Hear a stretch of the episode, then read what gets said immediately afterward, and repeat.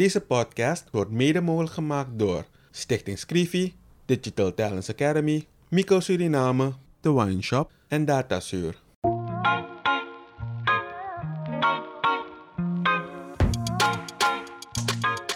In een ontspannen sfeer praten journalist Kevin Hadley en challenger Vincent Kenswell met verschillende personen over de uitdagingen en de kansen van hun werkgebied. Samen proberen ze door oplossingsmodellen te bespreken positieve ontwikkelingen op gang te brengen.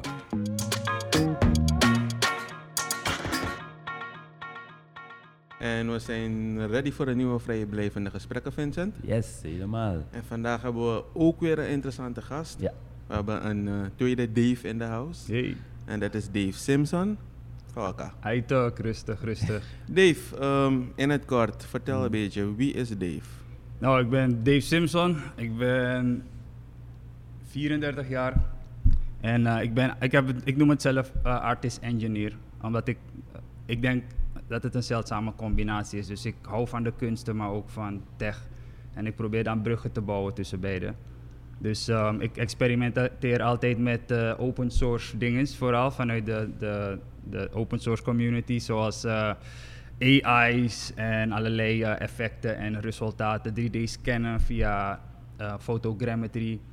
Eh, en aan de andere kant probeer ik dus dat om te zetten ook in, in kunst, zeg maar. Want alleen zo kan je het, al die data, al die kennis verwerken. Want de faya, boy, dat ding is dat je soms moet onthouden, toch? Dus dat is kunst altijd een ontspanning, maar dan maak je het toch verteerbaar voor jezelf. Want ik ken jou Dave van dans, ik ken je van theater, Mm. maar ik wist nooit dat je zo into ICT was. Kan je me even vertellen in het kort, hoe ben je eigenlijk van kunst naar ICT gegaan? Of was ICT er juist eerst? Die ICT was er eerst. Ik herinner me sinds ik klein ben, hield ik sowieso van sci-fi films en zo. En als ik, ehm, toen der tijd had je, ken je die, met die grote robots man, ze waren gigantisch, die ehm, met zo'n piloten erin. Dat was een hele oude- Robojocks. Robojock. Dus dat, dat is een van, dat is de eerste sci-fi film dat ik zag, waarbij ik al helemaal, what? Wat is een robot? Wat is, dat wil ik ook. Dus je resoneert ermee toch? En dus, maar het was voor, tijdens mijn opvoeding een beetje lastig, want ik ging langzaam maar zeker al mijn speelgoed openmaken toch, om, om te kijken wat... Bijvoorbeeld, ik, heb, ik weet nog de dag dat ik ehm, een magneet had ontdekt. Niemand heeft me ooit gezegd wat een magneet is, waar het van... Ik begreep niet hoe dat ding kon plakken en... Ik zat zeker een paar dagen gewoon mijn eigen experimentjes aan een touw vastbinden en dan... Je weet toch, dus... Maar ja, voor mijn ouders was het een beetje lastig, want ze, ze, ze kopen die, of ze betalen dure speelgoed, want ik wil... Ik zei, ik wil een auto, een radiobestuurbare auto, dan krijg ik dat, maak ik het los, maak ik een boot. Dus dan denken ze, die jongen wil een boot, kopen ze een boot, maak ik het los, maak ik een vliegtuig. Oh, hij wil een vliegtuig, maak die vliegtuig los, maak ik weer een auto. dus voor mij gaat het gewoon Experimenteren. ja, ik hou van, eh, ehm, eh, hoe zeg je dat? Ik noem het creëren. Het is, is het Ja. enige hoe je het, dat je, je, met je twee handen kan je iets in elkaar knutselen en het doet iets op zichzelf. Ja, ja, heel mooi. En, ehm, maar ja, door de jaren heen, ehm, eh, ik, ik ben zwaar dyslectisch en ik heb concentratieproblemen altijd gehad. Dus ik heb het altijd een beetje slecht op school gedaan. En ik had toen de, de mogelijkheid, ik, ik begreep zelf ook niet wat het was. Dus, dus op een gegeven moment dan heb ik school verlaten en toen is die ICT-vlam eigenlijk een beetje gedoofd, want ik moest werk gaan zoeken en zelf werken. En toen ben ik in de kunsten beland, dus dans, theater, oud was je toen? Ehm, toen ik was. In 2003 stopte ik met de ICT-opleiding. Toen, eh, want die, die, leraar was ook zo saai, man. Die man sprak met één toon. Eh, jongens en meisjes, eh, we gaan vandaag peer-to-peer netwerk. Dus ik zit daar heel dag. dus ik, ik was heel erg geïnteresseerd in, in technologie hoor, maar die stof was misschien voor mij op dat moment te veel. dus je was 16, 17 zo. Ja, zo 16, 17 zo. Dus toen ben ik in aanmerking gekomen met eh, danstheater en daar, dat begon lekker te draaien, want er was altijd werk. Een hele wereld ging voor je open? Ja, ni- niet alleen de hele wereld, de hele universe, want voor een of andere reden in de underground hip-hop scene gebruiken we eh, pseudonamen toch. Maar ze zijn altijd net als superhelden toch. Dus, maar dat heeft me ook, toen ik met school was gestopt, was ik ook in een diep- diepe depressie. En die dan, dans heeft een beetje geholpen om, om eh, hoe zeg je dat, weer een beetje levendig te worden. En later, toen ik terug had besloten naar Suriname, heb ik ontdekt pas dat ik door het weer in Nederland depressief werd. Ik dacht altijd dat aan mezelf lag, ik heb issue of iets, zie je toch. Maar toen ik in kwam, man, wow, je wilt net als sneeuwwitje opstaan in de ochtend met die vogels. La la la la la, je huppelt naar buiten, je toch. Terwijl Nederland, jongen, ik kon het niet, man. Het was de, de winter. Gro, gro. Het is donker, je, dude. En als het koud is, slaap ik, per definitie. Als het regent hier, krijg ik slaap toch. Ja, ja. Dan moet je opstaan naar het werk, dan kom je weer thuis. Dus op een gegeven moment dacht ik van er is iets met me aan de hand. Eh, ik heb mijn school niet afgemaakt. En dan gaat je zelfbeeld ook Minder. een beetje eraan. En toen werd ik, op mijn zwaarst woog ik 150 kilo. Serieus? Ja man, ik ging het weg eten man. 150, want je bent al... Ja, ik heb ehm, dus toen, toen ben ik ehm, op mijn zwaarst ben ik weer gaan dansen. Een mattie van me bleef me bellen. Hey yo Dave, yo, yo, yo. Dus toen ben ik een tijdje met overgewicht gaan dansen. En, en ik, omdat ik zo jong was, was ik een beetje koppig. Dus ik deed een beweging, ik sprong in de lucht en viel op de grond. Het is nog op YouTube te vinden. Oké. En dan, die crowd gaat helemaal los toch. Dus dan geeft dat je adrenaline toch. Ah, Maar ik heb het zo vaak gedaan dat ik een scheurtje in mijn lever heb opgelopen. oh. Wow. En omdat ik te veel at, kon het niet genezen, zeg maar. En toen werd ik in 2012 werd ik plotseling ziek. Ik was al zwaar en toen ging ik nog opzwellen, constant misselijk. Mm. Toen bleken de bloedwaarders eh, van mijn lever te laag te zijn. Toen hebben ze me gezegd van, als je 10 kilo afvalt, moeten we die, eh, kunnen we een operatie aanbieden, want anders kan het fout gaan. Als ik die move nog één keer had gedaan, was ik misschien neer. Oh ja. Ja man, maar die, die, hij is gescheurd. En ik voelde een keer een steek hoor, maar je bent in die hype toch. Dus Ja. dan Dus je denkt je, van ja, het is Ja. gewoon een... eh, en dan is er vet in gaan ophopen. Mm, Dus oh, hij kon en- niet eens. ja, Ja, ja. ja, ja. Hij Dus kan niet meer als, die, als ik het nog één keer had gedaan, was hij misschien Open verder gegaan. open gegaan toch. Met je binnenbloeding of zo. Ja, want in Nederland, je kon, je kon 2 euro burger, burgers kopen. Heer Demi Benja, zo, je kwam zo makkelijk eraan voor de toch. duidelijkheid, dit is een podcast, maar Dave is slank. Ja, heel dus gewoon even- eh, Ja, ja, atletisch gebouwd. Oké, Volgens mij dus... ben je nog geen 80 kilo Nee, nu. maar dus toen heb ik een gastric bypass operatie gedaan. Ehm, ze hebben mijn maag van mijn slokdarm afgeknipt, aan de kant gezet en de uiteinde van mijn maag gaat naar mijn dunne darm.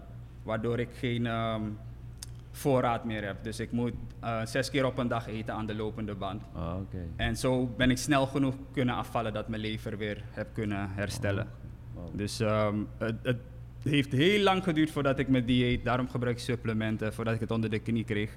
Maar nu voel ik me wel lekker, moet ik zeggen. Ja. Maar dit heeft nooit eh, in de weg gestaan om gewoon lekker te blijven dansen, lekker met eh, kunst bezig te zijn. Want theater kan soms wel intensief zijn heb- als je zo op het podium bezig bent. Ja, ik, ik, dus eh, er zitten nadelen eraan. En ik weet niet als ik het mag zeggen, maar ik heb soms veel gas, hè. Omdat ik heb Veel geen... gassen, ja. Dus vaak als ik met mensen ben, et- cetera, moet ik het inhouden, toch? Maar met optreden gebeurt het wel eens een ongeluk in je toch? Vooral. Dus dat, dat is enige en misselijkheid heb ik vaak. Als ik, eh, want dingen komen gelijk in mijn bloedstroom, toch? Oké. Het gaat gelijk naar mijn dunne, dunne darm. Dus ik ben allergisch voor garnalen. Al is er een minuscuul stukje. En, Geen en garnalen. ja, het ergste wat ik eraan vind is dan die dumping, dat je, wat ze noemen. Is wanneer dus dat gebeurt, kan je... Je krijgt wel overgeefreflex, maar er komt niks. Dus je, je slokdarm gaat alleen maar constipeten en dan raakt de rest van je lichaam in de war. En dan gaat zo ver als je hoofd begint te denken van, this is it. Ik ga, dus ik heb dat zo vaak gehad dat je... En het pakt je elke keer weer. Je denkt, shit, is, is, is fout, ik ga dood, man. Want het trekt samen, het wil niet stoppen, je wordt misselijk, et. En daar herstel je binnen no time weer. Dus dat zijn de nadelen ervan. Maar dus je hebt een En- speciaal dieet nu of uh, Is niet per se speciaal, is de hoeveelheden. de hoeveelheden? Ik kan maar misschien drie, vier happen eten. Als ik meer eet, krijg ik dus een dumping. Want dan Ja, komt er te veel vet, te veel suiker in één keer in je bloed. Maar ik vind het interessant, maar om even terug te gaan. Je bent in Suriname geboren of? Ik ben in Suriname geboren. Hier heb ik gewoond tot mijn dertiende. Ik ben nog op mijn jaardag in het vliegtuig 14 geworden. Zang? En in Nederland heb ik gewoon 15 jaar gewoond. 15 jaar. Eh, tot mijn 29ste, als ik het goed heb. Toen besloot ik terug naar Su te komen. En, Want eh, ik kon mezelf daar niet vinden. Ik, kon niet, ik heb duizend, want dansen ging wel hoor. Dus ik, er was wel genoeg werk. Maar omdat ik depressief door het weer was, ja, ja. voelde het niet, dit is niet mijn thuis man. Dit is niet... Oké, maar Je was nooit je- je- altijd Ja. vrolijk. En we- weet je wat de laatste druppel is geweest? Dat ik op dat moment besloot om terug te komen. Ik had 15 jaar geen pommerak gegeten. Oké. 15 jaar. 15 jaar. Ik was toen postbode. Ik, zei, ik weet niet waardoor het kwam. Ik zet een brief zo in die bus. Uit het niks begin ik het te proeven en te lusten, jongen. Pommerak. Gewoon uit het niks. Dat Oh ja, boy, me los toen. Oh, toen begon ik na te denken, jongen. ai, En die boom, jongen, mi dat ik Clara hier woont toch. en zo begon het ketting. Begon ik, oh ja, ja, toen nog die appel, ja, zuurzak. Toen begon, kwamen al die Al vruchten, alsof mijn lichaam zei van, yo, vitamine, toch. Maar tot je 14 in Suriname, dus daar heb je dit soort dingen meegemaakt. Eh, Ja. je, je had hier gewoon een leuk leven als tiener. Maar ja, met ups en downs. Ik heb leuke dingen meegemaakt, maar ook intense dingen. Ja. Maar dat maakt je alleen maar sterker, en sneller, ja. toch? Nee, omdat, kijk, het is leuk om, om, om inderdaad, dat is ook de podcast, jongeren of ouders die luisteren, die horen bepaalde dingen. Je, was, je had overgewicht, zwaar overgewicht, gezondheidsproblemen. En eigenlijk zien we nu in onze samenleving ook een enorme, laten we zo zeggen, ongezond volk. Toch? Jongeren die heel dik worden. Ja. Of te- en, en we schrijven het vaak toe, ja, maar ze zijn bezig met computer en dit en dat. En we Mm-mm. laten het, toch? Terwijl jij laat zien van je bent gaan bewegen, natuurlijk. Ja. Weet je, dus Ik denk dat het heel, heel erg te maken heeft met zelfbeeld. Zelf- Ik, ik hoef niet in detail in te gaan, omdat eh, mijn vader is niet zo lang terug overleden. Maar ik, ik denk van, want ik ben streng christelijk opgevoed. En voor hem was dat juist een kracht om te geloven. Maar wie zijn we zonder Jezus? Wie ben jij om te denken, God gaat alles voor je doen en dit en dat. Dus als je dat erin stampt vanaf kleins, ik ben niks, ik ben niks, zonder... Altijd moet ik smeken om iets te... Ik kan niet iets uit mezelf creëren, toch? Dus toen, ik, toen we in Nederland aankwamen, die tempo daar is heet toch? Ja. Iedereen, je moet een mening hebben, je moet niet over je heen laten lopen, je moet aanpakken, heel aanpakken. andere Ja, kant. toch? Dus voor mij was dat, was dat mijn broer, mijn broer, mijn broertje, mijn zusje, mijn moeder en mijn vader hebben dat wel kunnen, die switch wel kunnen maken, zeg maar. Was het confronterend? Ja, ja, ja. Die culture shock was breed. Vooral, het was ook nog paradoxaal, toch? Want ik heb, ik heb een soort van, eh, ik weet niet wat het is, maar misschien omdat ik een beetje mix ben, toch? In Suriname werd ik op school gepest als boeroe. Serieus? Ja. Dan kom ik in Nederland, dan ben ik een allochtoon. dan waar moet ik zijn dan? Op de grens? moet ik op de grens. Dus met audities ook. Ze zoeken, ik, ik zie een auditie in de krant. Voor een eh, film of voor een optreden zijn we op zoek naar een Surinaamse man. Van, een man van Surinaamse af- afkomst. Ja, Ik kom te daar, ik ben te licht. Want ze zoeken die, donker. je toch, gewoon die Leo. Hoe bedoel je? Snap je? Altijd zoeken ze die, die, die overdreven stereotype, toch? Dus op een gegeven moment ble- bleef ik aan lopende band audities houden, audities. Dus voor mij was het een, een, een- beetje verwarrend geworden. Want tot dat punt, totdat ik eh, underground hip-hop heb leren kennen, moest ik me altijd in een hokje plaatsen. Thuis was ik een christen, pastorszoon. Ehm buiten, daar op school ben ik dan een allochtoon die zo speciaal behandeld wordt. Toen ik klein was, was ik boeroe, zeg maar. En toen kwam ik in aanmerking met die underground hip-hop scene. En dat wil ik ook zeggen van die kids die in, in zo'n vroege depressie raken, waardoor ze die leegte gaan vervullen met iets anders. Community is belangrijk. Want dude, ik kwam depressief daar binnen. Iedereen, yo, je ziet mensen dansen met elkaar en dit en dat. En op een gegeven moment, wat ik mooi vond van die community, is je hoefde, op een gegeven moment praat je niet eens meer. Je praat alleen als het muziek is gestopt. Maar de emotionele verwerking dat je zag, sommige mensen kwamen echt binnen. Je zag dat ze een rough week hebben gehad. Gaan ze dansen en, en dan bouwt het op. En iedereen geeft die kaart die... eh, in- ja, toch? los. En, en dat krijg je alleen door community, man. En dat mis ik hier in Suriname nog veel. Er zijn communities hoor, maar ze zijn vaak gefragmenteerd. Snap je wat ik bedoel? Maar ik wil even teruggaan op iets wat je net zei. Ehm, mensen gaan zaken zoeken om een bepaalde eh, leegte te Ja. vullen. Ja. En dat kan positief zijn, want je hebt een community gevonden, een danscommunity, maar het kan ook negatief zijn. Drugs, drank. Ja, maar dat is, dat is er ook allemaal bij komen kijken. Snap Hoe, je? hoe, geva- hoe gevaarlijk kan het zijn als je die leegte wil vullen, dat er snel verleidingen zijn om die leegte te gaan vullen die, daarmee? die, als ik eerlijk moet zijn, heeft het alles met karakter te maken. Als ik, ik ga gewoon eerlijk zijn, alle drugs dat ik gedaan heb, heeft slechts mijn karakter versterkt. Eh, wa- waar het fout gaat bij, bij mensen is, het versterkt wat al in je is. Dus als je een jonko, de eerste keer dat ik een, een, jonko smokte, je probeert te ontsnappen toch? Want de, de, de, de kerk snap je niet, et cetera. En juist omdat je probeert te ontsnappen, gaat het je dan confronteren met die issue. Dus het is, het is, daarom zeg ik, drugs en, en, en dingen dat mensen naar grijpen, is eigenlijk een soort van paradoxale hoe moet ik het uitleggen? Van je probeert juist te gebruiken als verlichting, maar dat gaat juist, Ja, je juist confrontatie trekken. Ja. geven, toch? Ja. Snap je? Dus het heeft allemaal met innerlijke reflectie en verwerking te maken. En dat heb je ook in een community. Als je gewoon even kan zitten met wat guys en gewoon even zeggen, boy, dit is me overkomen of dit en dat. Dus communicatie is belangrijk, toch? En wat je, eh, ik denk dat jullie dit kunnen beamen. Ik heb het ook met mijn vader meegemaakt. Mijn beste matties kunnen me de hele dag uitschelden voor de domste dingen. Of, eh, of zeggen dat iets niet gaat werken. Is niet erg. Ah, mijn vader zei één keer tegen me: Je moet geen luchtkastelen bouwen. Omdat ik altijd fantasieën had, toch? Snap je? En is eh, een geweldige vader geweest hoor. Is totaal geen. eh, ik heb het ook goed gemaakt voordat hij overleed. Alles was chill. Hij heeft nog op mijn huwelijk ons ingezegend. Dus dat was, was een mooie conclusie, weet je. Maar wat, wat, wat je vaak ziet bij die kids, denk ik dat gaande is, is als, als ehm, hun naaste en geliefde bepaalde dingen zeggen, al is het heel vroeg in die ontwikkeling, kan dat al effect hebben op die psyche. Snap je wat ik bedoel? Dus dan kan je wel zeggen, ja, ik probeer hem op zwemles te zetten, ik probeer hem... op- Maar ga even na, wat, heb je, wat voor uitspraken heb je allemaal?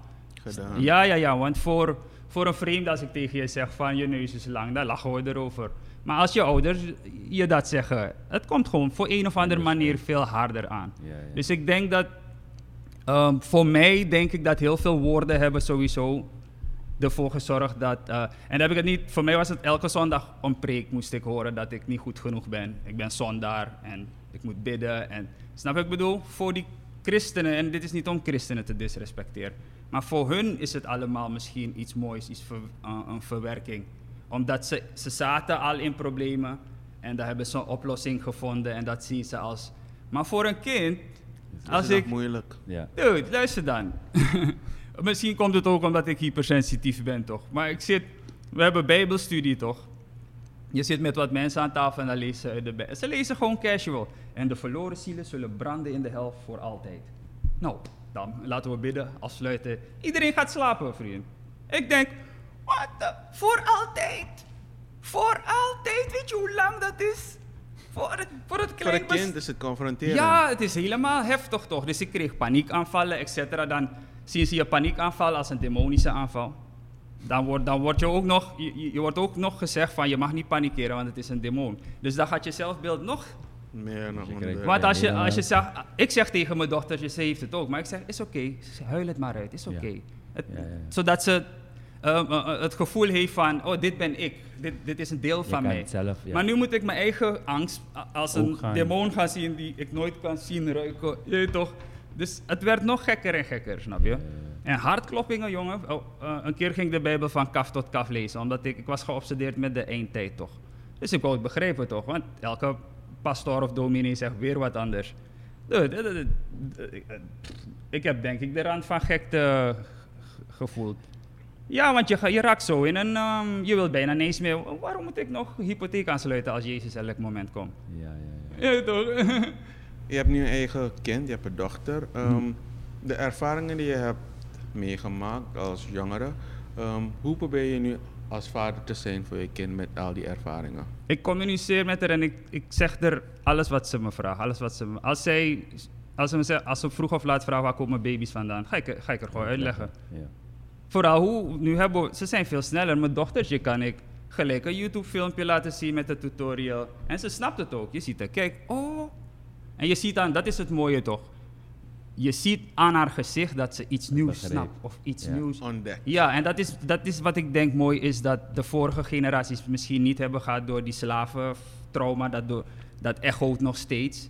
Uh, mijn moeder heeft de- en mijn vader zijn heel, uh, ze- ze hadden moeilijkere situaties. Dus hun zijn, um, misschien hadden ze niet eens tijd om die kleine subtiele dingen te zien. Dus mijn vader geloofde in een strenge opvoeding. Je weet toch, als je dit, dat. En hij had gelijk ook, want ik gebruik veel aspecten daarvan nu ook. Je weet toch, in het dagelijks leven. Hoe streng? Nee, ik ben niet streng voor, maar bijvoorbeeld ik, eh, met principes. Gewoon principes hebben. Ja, Zo ja. simpel als dat. Ja. Je weet toch, ehm, een code hebben als je iemand iets belooft, dat je het gewoon... Wat je doet. Ja, ja. Ehm, fellowship, broederschap. Ja. Als zie je die man lang niet, ga even langs met die man praten. Dus dat zijn wel elementen die je hebt eh, meegekregen en ook Ja, weer genoeg, gebruikt. genoeg. Enige, daarom, enige wat ik denk is, ik was er gewoon niet... Mijn conclusie is, ik geloof, ik geloof in een alomschepper, ik geloof in een hiernamaals zelf, ik geloof in reïncarnatie. Maar we- het hoeft toch niet één vorm te hebben. Waarom is het christendom heeft de waarheid? Nee, de moslims hebben. Nee, de. de.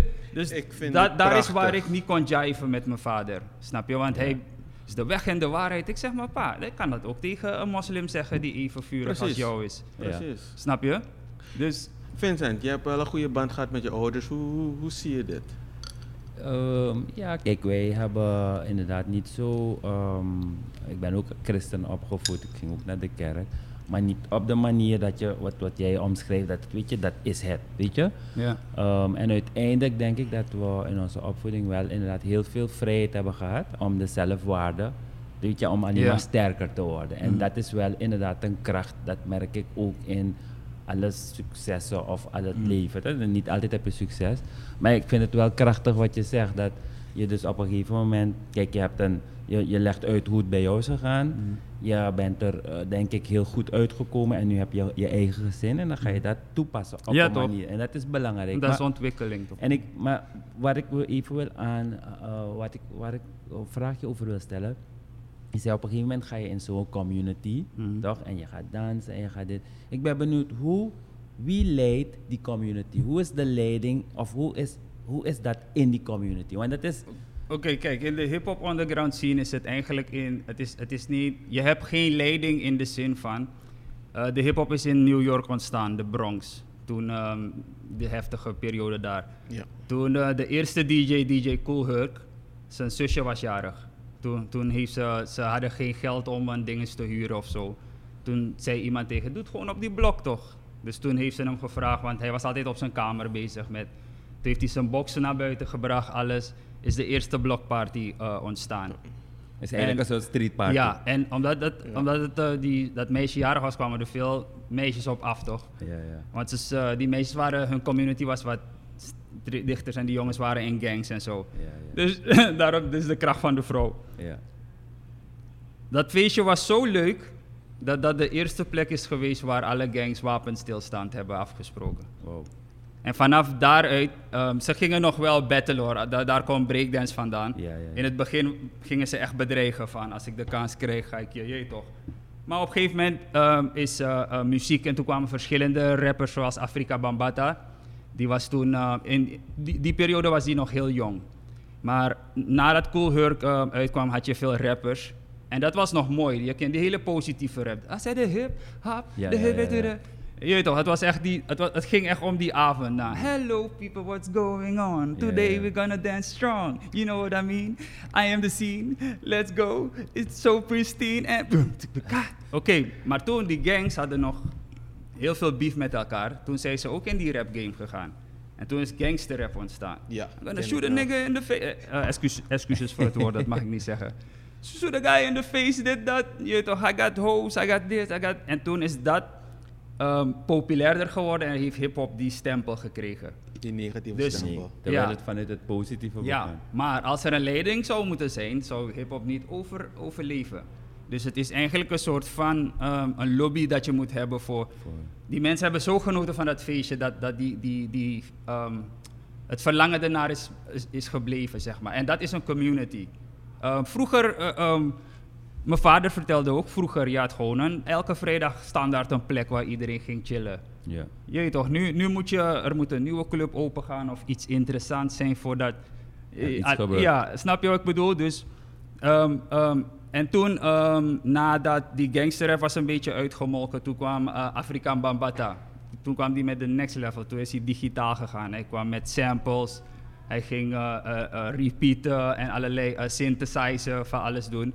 En toen is het dus die community weer bij elkaar gekomen. Vanaf dat moment is het gesplitst in commerciële rap, dus gangsterrap, noem maar op wat je Mainstream. mainstream en de underground. En in die, die underground, ik kan niet uitleggen, maar kijk, ik zie de underground als een marktplaats waar je naartoe gaat. Je gaat eerst dansen met mensen en dan zie je toffe guy. Hey yo, heb je zin om een keer eh, een evenement te orga- iets te ja, organiseren, iets te creëren? En dat kan een bedrijfje worden. Ja, ja, ja. Snap je? Dus die, die, zo moet je het zien. Je moet Dus eerder op, komt het echt vanuit wat we nu zeggen, dingen moeten vanuit passion, vanuit eigenlijk Ja. het hart. ja. Dat is de key. Precies, Dus, de en, key. dat moeten we... En het beste doe je door muziek en dans. Muziek, ja, ja, dus je moet een marktplaats hebben waar iedereen gewoon komt chillen. en in Suriname ben je nu in, bezig daarmee. Want ik heb inderdaad, ik was even gaan kijken of een uh, videootje van jou, waarin je ook met die robot dance, je nodigde mensen uit. Ik weet dat het in Suriname, ja, het was in Suriname volgens mij. Je hebt Ja, in in Suriname heb je, de, heb je de dans bij CCS trainen. hoor. Die, eh, daar zijn al die b-boys eh, meer. En ja, ook wat stand-up dancers. Om alle namen te gaan noemen gaat een beetje te lang duren. Ja. Maar ik denk, ik denk dat jij, je kent Kevin Thompson, toch? Ja, ken ik. Kevin Thompson. eh, ehm, dan nu, nu ga ik blackout. Ik, ik ken Quincy nog, Wada. eh, eh, ja, maar nu moet ik ze allemaal gaan roepen. Arsenio, Arsenio Brandvliet traint ook Ja. veel daar. Dus daar is al een kleine community. Oké. Maar ik heb het gevoel dat we een beetje onderbevolkt zijn in Suriname. Ja, het is. Ja. ja. het is of dat, of we hebben nog te veel wantrouwen in elkaar, waardoor we niet echt gewoon met Ik denk- regelmatig ik denk- community ja. proberen. Dat we standaard elke woensdagavond zijn we daar.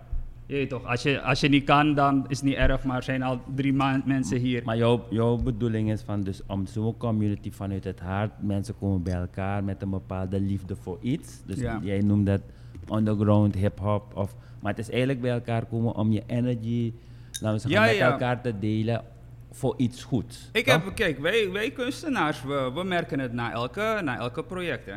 Dus wanneer we, wanneer we een theatervoorstelling maken bijvoorbeeld, dan, je wordt zo hecht met dat groepje. En dat duurt het maar een paar weken, toch? Daarna is het voorbij, is er geen werk. Je, je zit bijna thuis in foetushouding. je weet toch, want en ja, daarvan heb ik geleerd van, we zijn, we zijn, ze noemen ons kudde, we zijn net als kuddedieren, maar we zijn energetische kuddedieren. Ik, ik kan, op mezelf soms krijg ik wel slappe lach met mezelf hoor. Maar ik krijg nooit zo'n slappe lach op mezelf als ik met mijn matties krijg. Dus wat geeft dat die, die extra juice? Afas van mijn takazaan, afas a delivery, plata. Ja. Terwijl als je dat in je eentje doet bij je low man, Ja, ja. dan loopt bij je chippy toch? Snap je wat ik bedoel? Dus ik hoor uit je dat je kunst heel belangrijk vindt. We hebben het ook Ja. gehoord uit, aan de hand van de voorbeelden die je hebt gegeven. Maar rechtstreeks de vraag, hoe belangrijk is kunst nu voor je? Het is alles, het is alles wat ik doe. Het is het enige wat ik doe.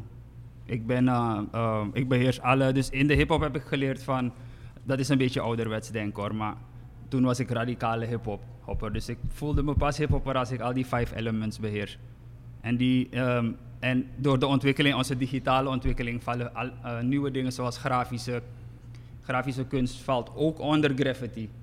En eh, muziek maken, ehm, rappen, eh, eh, MC'en, dansen. En dan praat ik over alle dansstijlen eigenlijk. al die vertakkingen. Help me als ik één vergeet. Graffiti heb ik al genoemd. Ja. Dus ik, ehm, digitaal doe ik ook veel. Ik, ehm, de t-shirts dat ik maak, of mijn schilderij, ik teken eerst met de hand en daarna werk ik het grafisch Digitaal. af. Nice. Krijg je mooiere, of ja niet mooiere, want het is altijd een discussie. Omdat die van me is zo, hij werkt liever met de hand. Hand. En dat, ja, Ja, maar het is niet echt. Ja. Ik zeg, ja, oké, maar... dus het is maar net hoe je zelf erover voelt. Ja, ja. En voor alles is er een markt nu met dingen. Maar oké, want we moeten naar het einde. Mm. COVID heeft ons nu eh, anderhalf jaar eh, eh, thuis gehouden, om het zo te zeggen. Mm. Moeilijk op straat. Uh, maar ik voel bij jou nog steeds, dus die energie is er en Mm. je doet je ding. Hoe heb jij dat ervaren de afgelopen anderhalf jaar? Ja, voor mij was het enig die sociaal contact. Want als, als ik te lang, mijn hoofd is te... Ik ben heel visueel toch, dus ik kan heel dag dromen. Daarom heb ik school ook niet als ik idee. Dus als ik te lang geen contact met mensen heb, ga ik steeds dieper in mijn eigen wereld. En ik ben wel bezig hoor, ik ben altijd autodidactisch. Ik, eh, de afgelopen week heb ik zeker drie, vier nieuwe programma's moeten, moeten Ja. beheersen. Ik, heb, ik moet iets gaan animeren voor een, eh, voor een opdracht. Ik moet eh, een fles gaan renderen voor een reclame. Dus dat, dat houdt me gewoon bezig Bezig. om te, te pushen en steeds meer te... En ik ben eh, met die Boesiboto bezig. Dat is eigenlijk mijn grootste passie en focus. Ik ben een amfibievoertuig aan het ontwikkelen. Een amfibievoertuig is een voertuig die op water landt. De, sommige kunnen ook op lucht, maar voor nu is het waterland. En. En ik, mijn Boesiboto wil ik dicht bebos gebied. Dus het moet kunnen, het lijkt, daarom lijkt het ook op een soort worm. Oh, Oké. Eh, en het moet kunnen wurmen door. door eh, ik kan die Facebook even naar jullie sturen. Ik had je al gestuurd, dat. Jungle Ship Project. Ja. Ja. En ik denk van, want ehm, ik had een tijdje obsessie met, met eh, Utopia. Dus ik was zelf een stad aan het ontwerpen. Toen had ik nog mijn- mijn laptop niet. Maar aan het tekenen, uitschrijven. En op een gegeven moment werd het ook zo een dagdroom dat, dat ik het maar achter me heb gelaten. Maar toen eh, heeft Julie Sundar, had, eh, toen ik met hun samenwerkte, vroeg ze me een keer, Dave, kan je de stad van de toekomst ontwerpen? Dan kunnen we kleine modelletjes printen en een beetje een soort van weer. Dus, dan toen, ja, dat, dus dat heeft die vlam weer eh gerekindeld Ja, ja. om weer met die stad. Maar toen ben ik echt erop gaan zitten, jongen. Ik dacht, infrastructuur, oké, verschillende religieën. Als we kijken naar spitsuur, als we kijken naar eh, eh, ontwikkeling, verkaveling. Dus alles ging zo door mijn hoofd. En op een gegeven moment werd het zo heet dat het een singularity is geworden. En toen dacht ik van, maar wat als we geen wegen, infrastructuur en huizen nodig hebben? Wat als we dat allemaal condenseren naar een voertuig die je letterlijk overal, kan brengen? En dan heb je de, je hebt de 1 persoons, je hebt de 9 persoons en je hebt de 21 persoons. En dat is die gigantische, snap je Ja, wat ik bedoel? ja.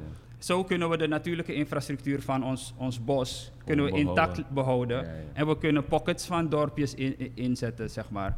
En dan Snap je daar naartoe. Ja, want eh, Elon Musk is bezig met die Starlink. Ze willen een globale internet. Dus Via satellieten. ja, toch? Je hebt straks Dus- overal internet. Ja, ik vind, ik vind ehm, hoe we nu auto's rijden is, is eigenlijk inefficiënt en een beetje... ehm, want dus de, de aarde is geen statische plek. Er kan nu een aardbeving komen of een tsunami of een dit of dat. Wat gaat je auto doen? Niks. Ja. Hij, hij gaat gewoon weg. Je zag in China, hij gaat Ja, gewoon ja. weg met die Watra. Nee, ik wil in mijn boesibo toch gewoon omdraaien in mijn bed. Ja, als ja. ik hoor aardbeving. Dus daarna ben je nu bezig en eh, hoe lang denk je dat eh, je project gaat nemen? Ik eh, ben al een tijdje bezig met eh, investeerders proberen te vinden en subsidies. Dus ik heb een paar. ehm, Miguel Keerveld helpt me heel erg met eh, aanvragen indienen. Eh dat is een andere kunstenaar, eh, vriend van me. Dus Ja. eh, dat gaat tot nu toe nog niet zo als hoe het moet gaan. Maar de komende, ik hoop de komende zes maanden wel ehm, wat opportunities te krijgen om daar verder op in te gaan.